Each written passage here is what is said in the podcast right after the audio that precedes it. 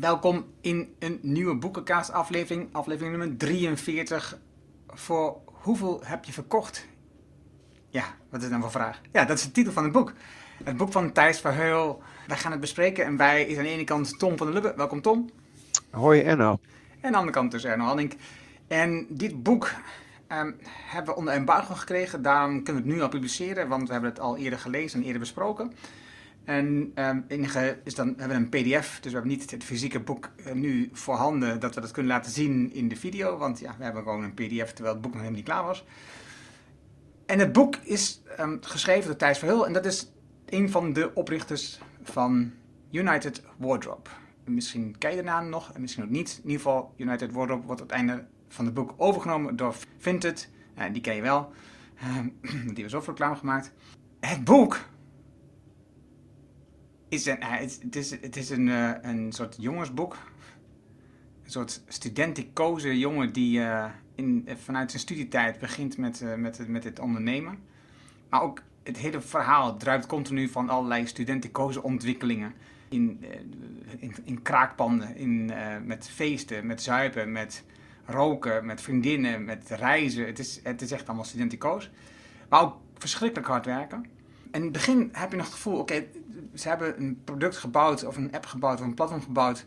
Het gaat over uh, dat we iets willen doen voor de wereld. Hè? Dus we, willen dat de tweedehands kledingstukken het langer doen, omdat de mensen met elkaar gaan ruilen. Maar aan het einde van het boek krijg ik zelf een beetje de smaak van, ja, uiteindelijk ging het gewoon om het geld.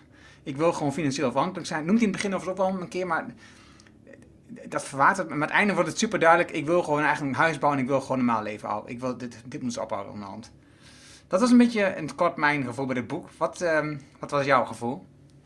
Wat is mijn gevoel bij het boek? Ja, ik vind, het, ik vind het op zich wel aardig dat we dit boek bespreken nadat we vorige keer de machine hebben besproken over boeking. En uh, het gevoel wat ik heb, dat ik dacht van, het is eigenlijk een heel goed boek voor de klassieke start-up ondernemer die eigenlijk tijdens een studie of al heel jong start. Dus het, het, is wat dat betreft misschien ook gewoon een kwestie van ja, voor welke doelgroep is het bedoeld. Dus ik denk dat, dat studenten of hele jonge mensen, hè, want wij zijn natuurlijk wat dat betreft een beetje oud, dat voor hele jonge mensen dat inderdaad een soort combinatie is van iets opzetten tijdens de studie. Ik vind dat hij dat op zich wel heel goed beschrijft. Alleen ja, wat ik natuurlijk ook merk is dat uh, als je 25 jaar ouder bent, dat je, dat je dan met verhalen over studentenhuizen en kraakpanden en feesten, dat je daar gewoon al wat verder van afstaat. Ja, twee uur slaap s'nachts en zo. Hallo, ja, zat ik al... Nou, wat ik ook nog zat te denken is dat, je noemde net al de machine. Dat boek is, is geschreven door drie journalisten. Die hebben allerlei mensen geïnterviewd. Het is een, heel, is een, is een boek met heel veel verschillende kijken op dat bedrijf. Van allerlei verschillende invalshoeken. Jammer genoeg is daar dan, hebben ze dus niet de ruimte gehad om daar ook werkelijk de oprichters en ondernemers te interviewen. Die hebben daar neer op gezegd.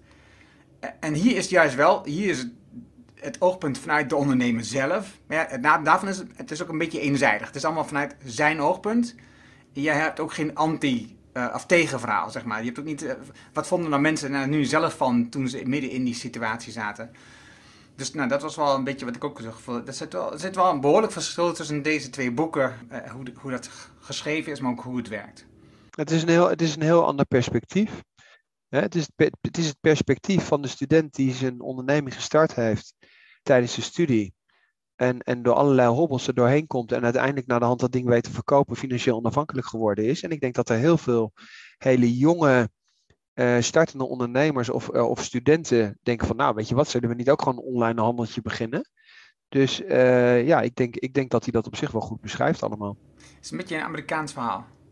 Ja, niet dat, het, niet dat het verkeerd is, maar dat is hoe ik het zie. Hè? Dus uh, de, uh, jonge mensen die hard werken, veel beginnen en uh, uiteindelijk het bedrijf verkopen aan Google of wie dan ook. Wat, wat grappig is, want hij heeft niet echt het boek opgedeeld in allerlei blokken, zoals ik maar altijd zeg. We hebben vier, dat is hier niet in. Het zijn allemaal hele korte hoofdstukken van meestal zo'n drie tot vijf pagina's. En dat is ook wel een beetje een hele gemene truc van hem. Want doordat je een hoofdstuk heel snel uit hebt, en het is een, een lekker geschreven. Zit je zo in het volgende hoofdstuk. Ja, die ga ik ook even uitlezen. Ik, ik heb het boek in een dag uitgelezen. En dat is heel makkelijk met dit, boek, met dit soort boeken. Dus je, kan, je leest er zo doorheen. of de vraag, de ultieme vraag, waar het allemaal om draait, waar de cover over gaat, de titel over gaat van het boek, of die werken wordt beantwoord, uh, dat zullen wij niet bespreken. Dat laten we dan achterwege, want ik denk dat je daarvoor het boek moet kopen. Dat, dat is een beetje uh, de truc, denk ik, van dit boek. En ik denk ook dat het boek interessant genoeg is om dat uit te vinden. Of uh, hoe dat gegaan is en waar, dat, waar het eruit gekomen is. Hij begint het boek met een stuk achtergrond over zichzelf. Met zijn eigen studie, uh, schooltijd, basisschooltijd, op de fiets en allemaal dat soort verhalen. Werken bij zijn vader, zijn vader was ondernemer.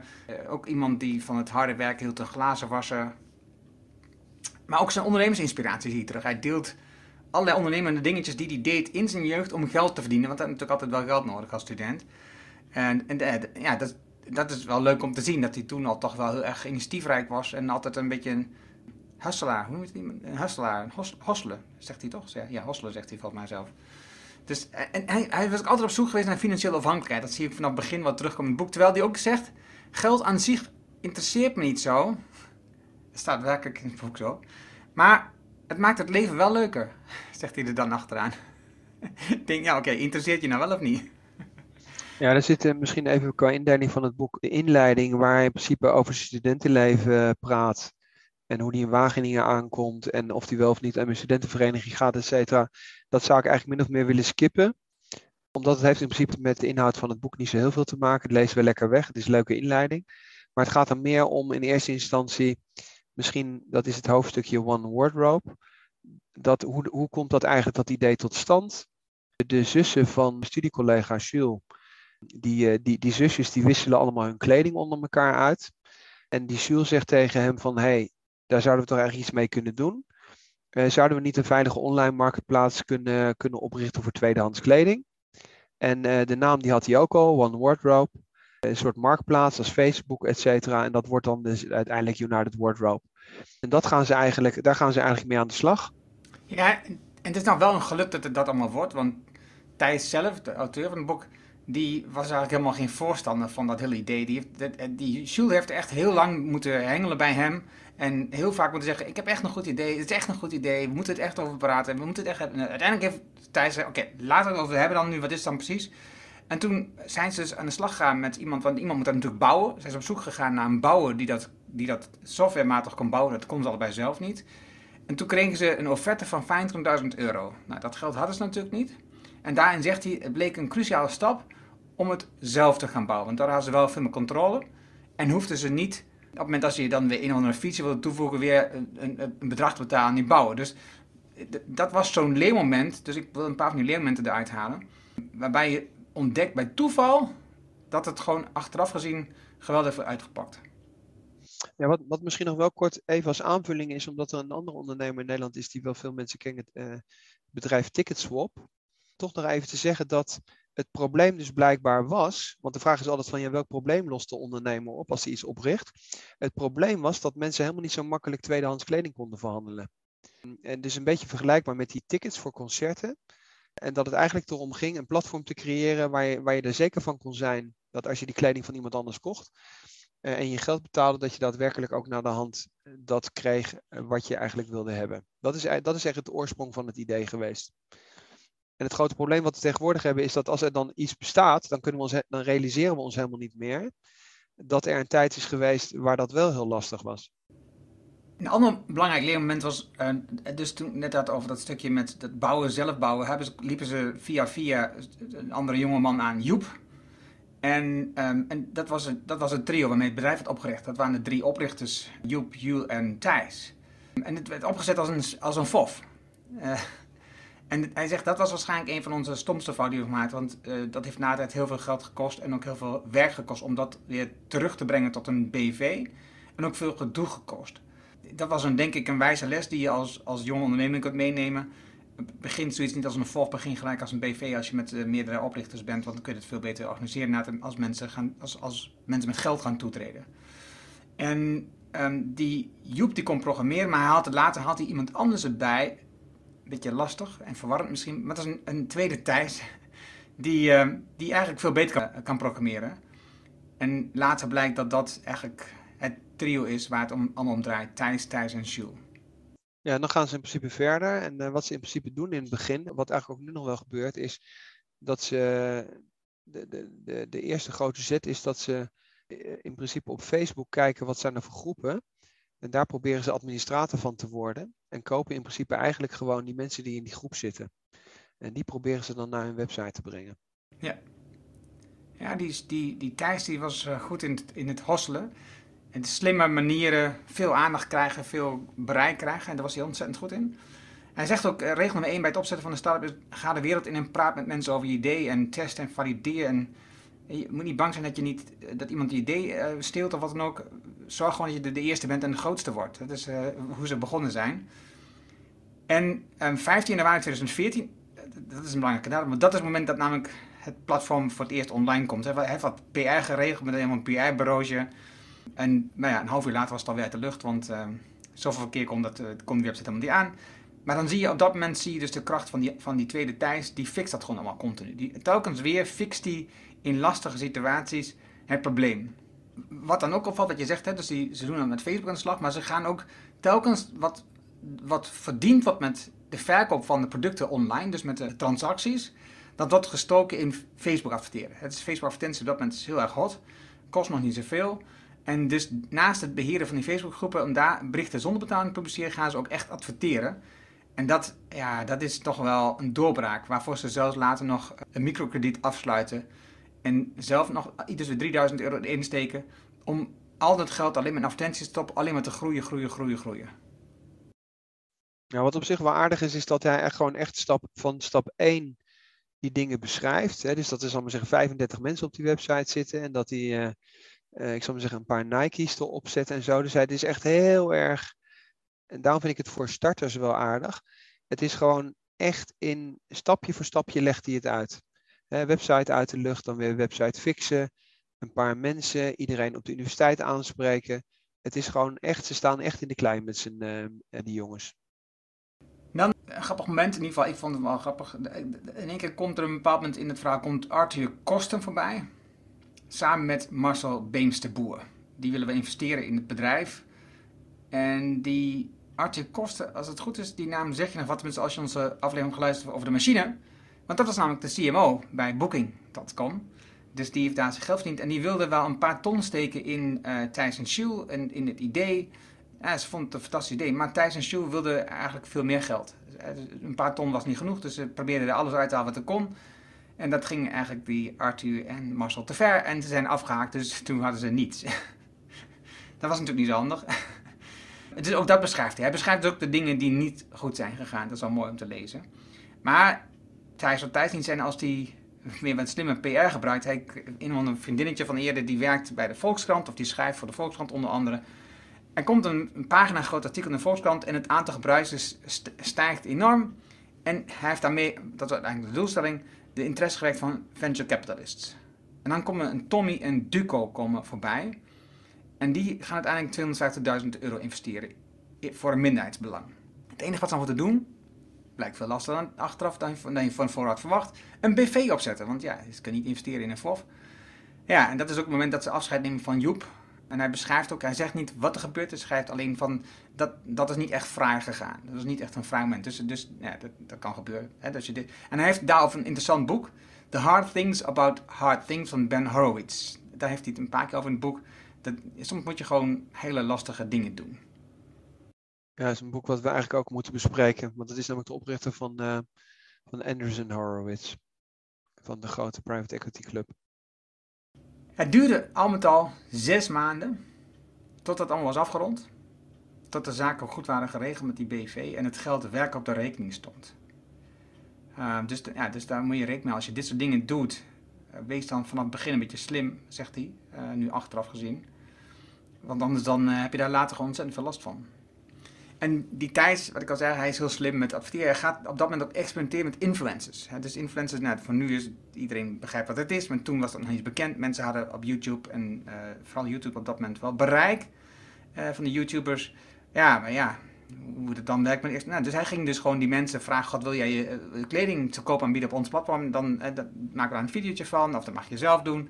En dan gaan wij dat allemaal op de site zetten en dan organiseren we het voor jou en dan is het klaar. Nou, dus het, het moment kon niet beter. Echt die, dat, dat, de opkomst van de influencers. En wat ik al zei, je moet ook een beetje geluk hebben op sommige momenten. Dus die influencers waren heel goedkoop voor veel bereik wel op dat moment. Want een van de eerste video's die ze hadden, die ging op een bepaald moment ging die live. En, um, ja, en uh, het aantal gebruikers, het sprong weer de lucht in. Het aantal uh, inschrijvingen, het aantal verkopen ging omhoog. Dus telkens zie je in dit verhaal terugkomen dingetjes die het doet, waardoor het weer een volgende sprong wordt gehaald in de groei van um, gebruikers, inschrijvingen, betalingen. Uh, want wat hij zegt is wel slim in het begin ook. Uh, we hebben, ze hadden wel een businessmodel gekozen waarbij iedere transactie voldoende oplevert. Maar dat is belangrijk. Je moet wel geld aan overhouden om daar weer te investeren. En ze investeert dan in adverteren.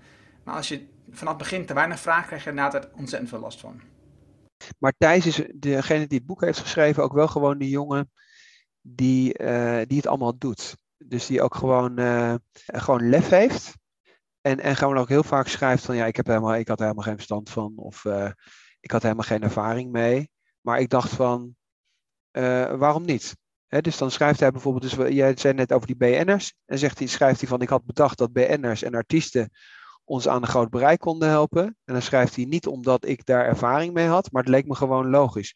En dan pakt die jongen natuurlijk gewoon de telefoon en dan kijkt hij in zijn netwerk wie kent iemand. En dan weet hij op een of andere manier met zijn vlotte babbel en zijn enthousiasme. En ook, hij is niet bang om zijn bek te gaan. Uh, dus wat dat betreft heeft het ook wel iets heel erg Amerikaans. Hè, dat veel vast, dat zit hier wel heel erg, heel erg in op een hele praktische manier. Dus hij, hij is niet bang om een blauwtje te lopen. Hij belt gewoon op totdat hij, raken, uh, totdat hij iemand te pakken heeft waar het wel functioneert. En dan gaat hij gewoon, uh, dan gaat hij gewoon van daaruit gaat hij weer verder. En dan rijdt hij naar de hand ook bij die mensen langs en gaat kleren ophalen. Dus hij is, uh, het is een combinatie van iemand die veel lef heeft en het gewoon ook allemaal zelf doet. En dat beschrijft hij eigenlijk op zich wel op een hele grappige manier. Ja, het is een echte doener. Ja. Nou ja, op dat moment zie je dus dat door dat succes en met name die, die, die pagina in de krant, dat, je, dat, nou, dat ze toch aan de slag willen met nieuwe investeringsronden. Ze zoeken echt meer geld. Ze willen echt de grootste online kledingmarktplaats worden ter wereld. En voor die ronde komt dan Peak in beeld, de investeringsmaatschappij in Nederland. Dat lukt uiteindelijk. En dat is ook het moment dat Joep was eigenlijk al eerder afscheid van genomen, maar dat is wel het moment dat Joep ook wordt uitgekocht. Dus dat is ook weer wat gedoe, nog steeds, op dat moment wordt het rondgemaakt, maar hij wordt uitgekocht en Peak vindt dat er een CMO moet komen, een Chief Marketing Officer. Dan moet het dat professioneel worden. En dat is ook wel weer een moment waar Thijs ook goed beschrijft hoeveel, hoeveel last hij daar eigenlijk van heeft. Hè? Dus, want, die, hij deed eigenlijk altijd de marketing. Hij, voelde zich wel wat gepasseerd in het stuk. En hij gaat ook maar op reis uh, om uh, even gewoon eruit te komen. Want hij was ook totaal overwerkt, als ik het dan aan lees. Om maar weg te komen bij die CMO, gaat hij maar weg. Maar gaat hij maar op pad. En hij, wil, hij wil een paar maanden op pad. Maar denk eens na een paar weken weer thuis, want ook daar ginds krijgt hij totaal geen rust. En, en hij gaat dan in gesprek met een coach om daar meer tot rust te komen. En die CMO, dat is um, ja, wel een soort uh, luisterende pels. Want die kerel die wil alleen maar gaan met marketing. Investeren in marketing heel veel en vooral in mensen. Hij neemt heel veel mensen aan. En ook zijn rol in het MT was aanzienlijk. Hè? Dus hij had heel veel invloed op de, op de gesprek met MT, met die Jules samen. Hadden ze uren gesprekken en werd eigenlijk niks besloten. Dus er was een soort verandering gaande. Uh, door, de cultuur veranderde ook door deze mensen. In een jaar tijd kwamen ze van, 50, van 15 naar 50 mensen. Dus hij veranderde ontzettend veel. En die, die Thijs zag het een beetje gebeuren. En hij, hij ziet ook eigenlijk dat het niet goed gaat, maar, maar grijpt ook niet in. Hij, sterker nog, hij laat het eigenlijk vooral los. Als, als oprichter heeft hij achteraf ook wel wat spijt van. En, maar ja, wat doe je dan met het geld? Met dat geld willen ze vooral naar andere landen gaan. Ze willen echt de grootste worden nu. Het is wel een klassiek probleem wat hij daar beschrijft. Dus private equity investeerders, of in dit geval Johan van Mil van uh, Peak Capital het een van de bekende investeerders is in die, uh, in die doelgroep of in die uh, vroege fase financiering. Ja, daar wordt dan gezegd van ja, hoe snel kun je groeien. Dus dat wordt dan geforceerd. En dan schieten die marketingkosten omhoog. En dan is de vraag, ja, haal je je conversie in principe nog? En dat beschrijft hij eigenlijk heel goed. En wat ik wel stoer van hem vind is dat hij wel gewoon aangeeft wat jij net zei, dat hij dan een tijdje weggaat, dat hij gewoon een burn-out heeft. Dus dat hij er gewoon helemaal door zit. Dat had hij in principe ook gewoon weg kunnen laten. Dan uh, beschrijft hij dus gewoon echt dat hij dan uh, weggaat naar Azië. Ik weet niet precies even welk land dat is waar hij dan rondloopt, Thailand of wat het is. Of Vietnam of zo. Ik geloof dat dat Vietnam is. En, en dat hij gewoon helemaal niet tot rust komt. Jongens, gewoon helemaal doorgedraaid. En daar zie je dus ook dat die ups en downs van zo'n start-up fase. Achteraf gezien heb je natuurlijk heel vaak die successtories. Maar als je dat zit te lezen, dan, dan, dan voel je met die jongen mee. Dat hij gewoon helemaal er doorheen zit. Klopt. En, en het andere punt wat ik ook vond, is ja, ze gooien zo hard met die aantal mensen uh, in zo'n korte tijd. Dus de cultuur van het bedrijf ook helemaal veranderd. En dat zag je bij Booking.com op moment ook toen, in die laatste fase, toen, in ieder geval, zij ging ontzettend veel mensen aannemen. En dat was een, een, Gillian Tans Ja, Gillian. Een, een paar duizend in een jaar tijd werd aangetrokken. Ook daar zag je de hele cultuur kantelen, omdat mensen niet meer weten wat de cultuur is. En dat is, denk ik, iets waar je als, op, als oprichter voor wilt waken. Juist dat je de cultuur vasthoudt die je oorspronkelijk had bedacht. En niet door veel mensen in een korte tijd aan te nemen, dat dat dan ten onder gaat. Dan ontbreekt er een, een, een bijzonder moment aan. Ze krijgen een aanbod. Het is niet mij duidelijk vanuit welk land. Ik had ergens vanuit Amerika, maar jij had het waarschijnlijk over Azië. Dat, is, dat wordt niet genoemd in het boek. Ja, ik weet het niet precies wat het is. Ze krijgen een aanbod en ze worden door die bieden totaal in de watten gelegd. Ze, ze, ze, vliegen daarheen en ze hebben een fantastisch hotel en ze hebben, ze hebben de tijd van hun leven. Ze, ze, ze hebben de luxe van hun leven. En hij krijgt ook zo'n gevoel, met zijn drie krijgt het gevoel van, ja, weet je, dit is wat we willen. Dit, dit is wat we altijd willen. We willen altijd zo leven. Ze vliegen terug en met, met business class en, en, daar is hij totaal van onder indruk, dat kun je ook lezen. Nou, de verhaal gaat dan een tijdje door dat ze daarmee bezig zijn, maar um, die piek uh, die ligt dus dwars. Ik weet niet precies waarom, of nou of de hoogte van het bedrag is, of de voorwaarden wat zijn, ik weet niet. Maar op een moment gaat de deal dus gewoon niet door. En dat was eigenlijk niet wat de jongens wilden. De jongens wilden eigenlijk gewoon op dat moment verkopen. Ze waren helemaal klaar voor, voor de verkoop. En, en, en gewoon door te gaan met hun leven. Een soort anticlimax in het boek vind ik een beetje. Je, je, je gaat op naar van, oké, we gaan het verkopen. Dit is zo gaaf. Het gaat zo goed met het verhaal. We hebben zo'n mooie verkoopprijs straks te pakken. En dan gaat het gewoon, wordt het gecanceld eigenlijk buiten hun, ja, hun controle om. Ja, maar dat heb je natuurlijk heel vaak, hè? Dus je hebt heel vaak uh, momenten waar uh, elke keer weer die beslissing genomen moet worden. Haal ik investeerders aan boord of verkoop ik? En soms gaat dat heel goed. Dus er zijn situaties, neem bijvoorbeeld ook bij Adriaan Mol met Molly. Uh, tussendoor, daar is ook een boek over verschijnen. en, dan, en dan soms ben je achteraf heel blij dat je geen koper hebt gevonden. En dat is overigens bij Booking ook zo geweest. Dus daar hadden ze die deal met Expedia kwam niet rond. En uh, toen moesten ze ook weer helemaal opnieuw verder. Dus dat is, je, ziet dat, je ziet dat keer op keer terugkomen. Wat is het grote probleem daarvan? Dat beschrijft hij ook. Dat je eerst heel erg op een haai komt. Want je denkt, oh, we gaan het nu verkopen voor X. En dan gebeurt dat niet. En dan moet je gewoon weer helemaal terug naar af. En je moet gewoon weer terug met je voeten in de klei en, en weer verder bouwen. Terwijl je eigenlijk, psychologisch had je eigenlijk al de tent verkocht. Ja, en terwijl je aan je mensen intern niks kunt vertellen. Je kan aan de buitenwereld kun je niks vertellen. Dus het is, het is een enorm gevecht in jezelf continu. Dan zie je dus dat ze, nee, dat ze dus, uh, die deal die gaat niet door. Ze beginnen weer eigenlijk, wat je al zegt, gewoon van vooraf aan. Ze gaan weer hard aan de slag. Werken, werken, werken. Um, op dat moment treedt ook intern gedoe op. Ze gaan afscheid nemen van die, CMO. Ze, gaan, ze moeten mensen ontslaan, want ze komen geld tekort. Uh, dus ze gaan 30 mensen ontslaan. Dus er verandert ontzettend veel, veel gedoe in het bedrijf. En, maar ze willen uiteindelijk gewoon toch verkopen. En dus dan komt er een nieuw moment dat ze willen verkopen. En dat is, um, dan komt dus, vindt het, komt aan, langs zij. En dat is een bedrijf wat echt hetzelfde doet als zij. Zijn rond dezelfde tijd gestart. Met het verschil dat zij veel meer geld hebben opgehaald. In een veel kortere tijd. Overigens heeft zij, het is een Oekraïens bedrijf toch? Dat was, hè? Waarom was het ook weer? Ja, Baltische Staten zit het. Met een Nederlandse, met een Nederlandse CEO. En, nou, dat linkje is makkelijk gelegd. Ze gaan in gesprek. Vindt het zich geïnteresseerd. En ze gaan dus nu aan de slag, oké, hoe gaan we nou dit organiseren? Ondertussen willen ze het bedrijf een beetje oppimpen. Ze willen dus meerdere verkopers werven. Want ja, inkoper is geen koper. De stelling die die dan heeft, die Thijs. Ja, want dan heb je natuurlijk geen onderhandelingspositie. Ze proberen van alles om het bedrijf interessanter te maken voor meerdere bieders. En uiteindelijk blijft alleen Vinted over. En terwijl ze bezig zijn met die overname, gebeurt iets heel bijzonders. Vinted gaat gewoon de Nederlandse markt bestormen met commercials. Overal zie je advertenties, overal op tv. Ik herinner me het moment nog dat dat, dat, dat kwam. Het was op tv ook. Het was telkens weer Vinted kwam voorbij. Het was echt niet normaal. En dus zij worden er ook lastig mee gevallen door allerlei vrienden die continu bellen. Ken je, ken je al? Het is een concurrent van jullie. Hou op, we kennen je al lang. Maar dat mag ik niet zeggen, want we zijn bezig met de overname.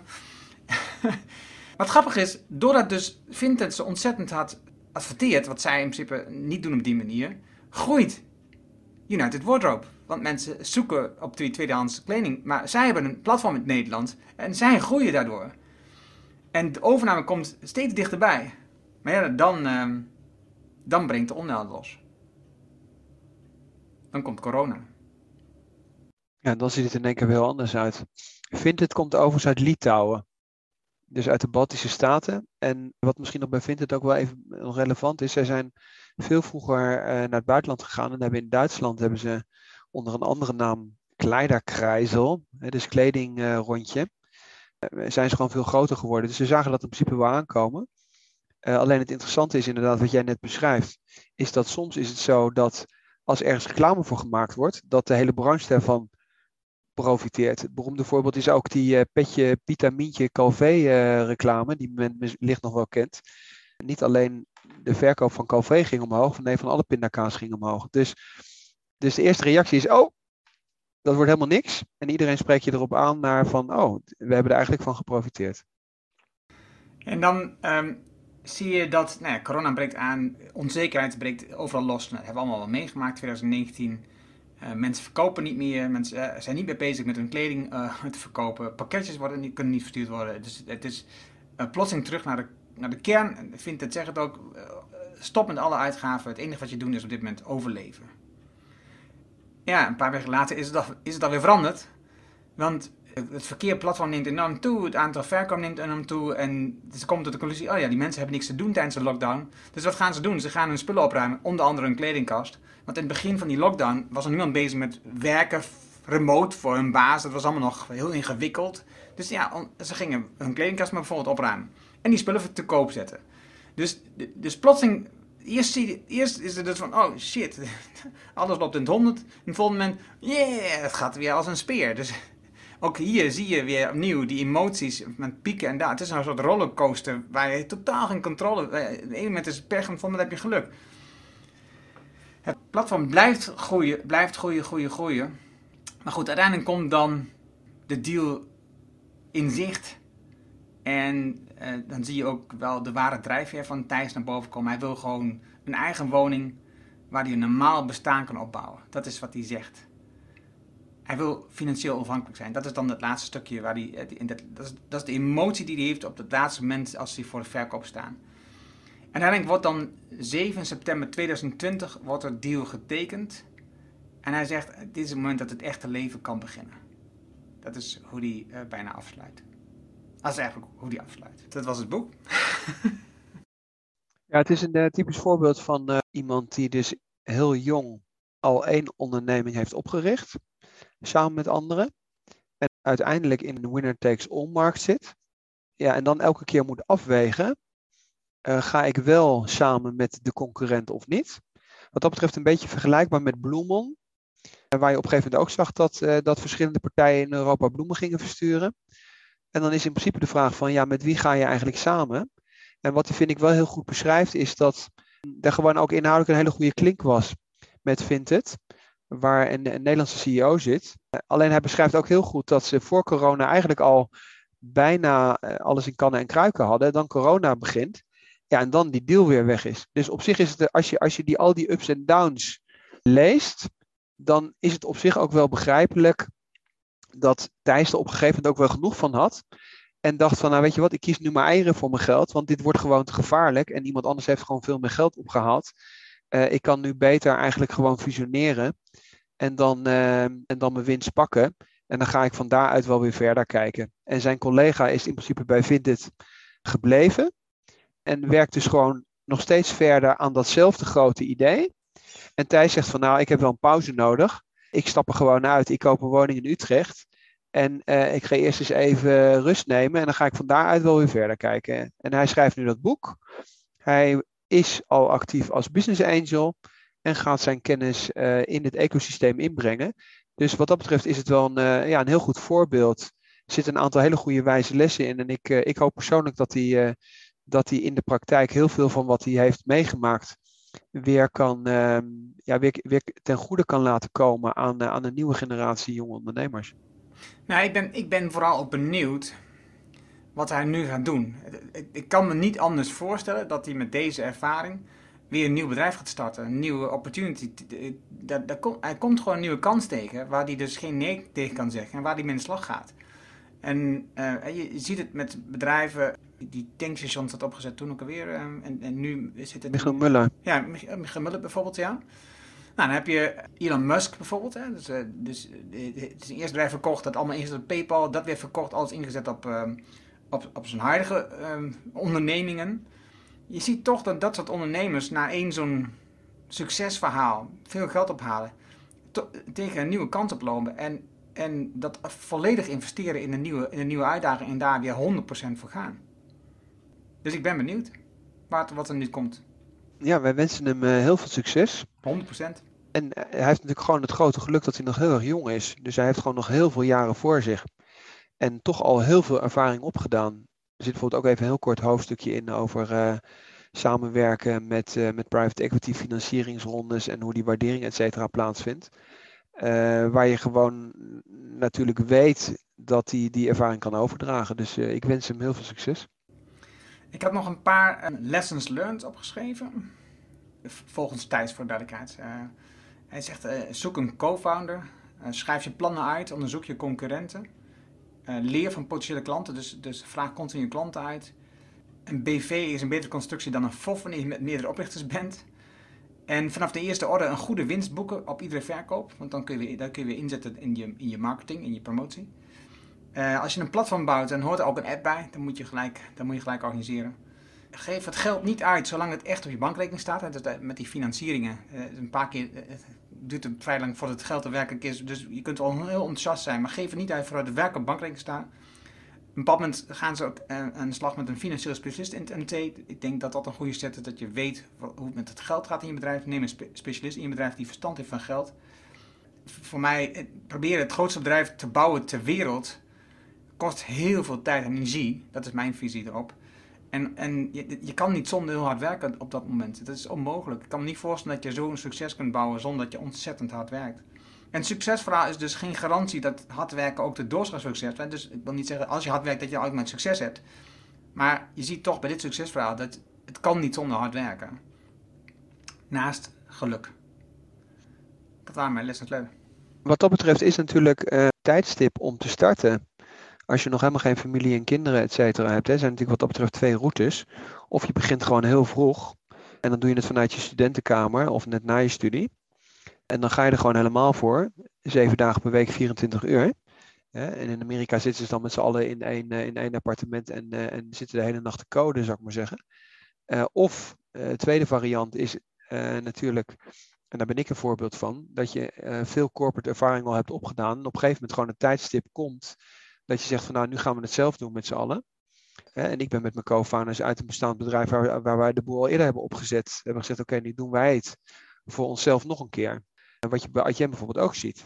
Alleen dit is natuurlijk iets wat denk ik zeer veel jonge mensen heel erg zou aanspreken. Ja. Oké, dat was hem. Dankjewel voor het luisteren. Dan weer een boekenkaasaflevering. En wij vonden het fijn dat je luistert. Uh, als het goed is, komt deze aflevering ook op de ondernemer. Dus fijn ook als je daar luistert. En heb je een boek waarvan je zegt, nou, dat moet je lezen. Of ben je als ondernemer zelf bezig met een boek op dit moment.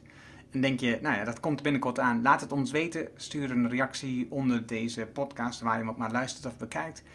Of stuur ons een berichtje op LinkedIn, want daar zijn we altijd heel goed bereikbaar. Wij allebei, Tom van Lubbe en ik. Dan zou ik zeggen, dankjewel Tom. Dankjewel Erna. En graag tot de volgende.